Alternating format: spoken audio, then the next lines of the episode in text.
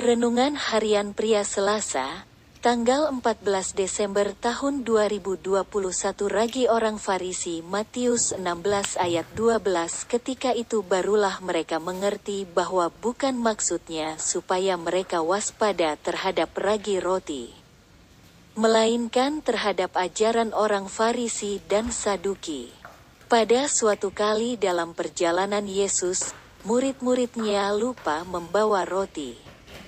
Lalu Yesus mengatakan kepada mereka agar berjaga-jaga dan waspada terhadap ragi orang Farisi dan Saduki.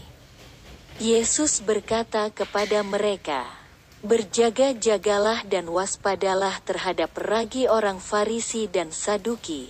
Matius 16 ayat 6 akan tetapi murid-muridnya salah mengerti mengenai ragi orang Farisi dan Saduki. Itu disebabkan karena mereka hanya tertuju kepada roti jasmani saja. Setelah Yesus menjelaskan dengan menceritakan kembali bahwa Yesus dapat membuat mujizat dengan lima roti dan tujuh roti yang dapat memberi makan orang-orang banyak, barulah mereka mengerti. Yang dimaksud oleh Yesus tentang ragi orang Farisi dan Saduki adalah pengajaran orang Farisi dan Saduki. Apa itu ragi pengajaran orang Farisi dan Saduki itu? Apakah ragi itu masih bisa mempengaruhi anak-anak Tuhan pada zaman sekarang ini? Ternyata ragi orang Farisi dan Saduki itu juga bisa mempengaruhi kehidupan anak-anak Tuhan pada zaman sekarang ini. Pengajaran orang Farisi adalah memandang hubungan dengan Tuhan itu disebut dengan sebuah nama, yaitu agama.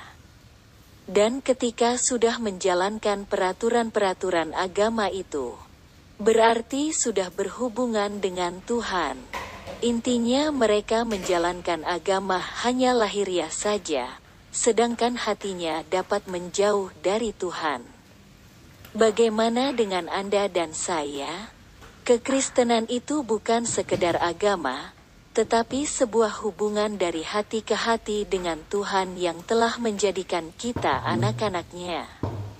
Jadi jangan fokus kepada aturan-aturan lahiriah, tetapi fokus kepada hubungan intim dengan Tuhan. Refleksi diri, apa yang firman Tuhan katakan kepada Anda? Bagaimana kehidupan Anda dengan firman Tuhan itu? Catat komitmen Anda terhadap firman Tuhan itu. Doakan komitmen Anda itu, pengakuan imanku, di dalam Kristus saya membangun hubungan intim dengan Tuhan setiap hari.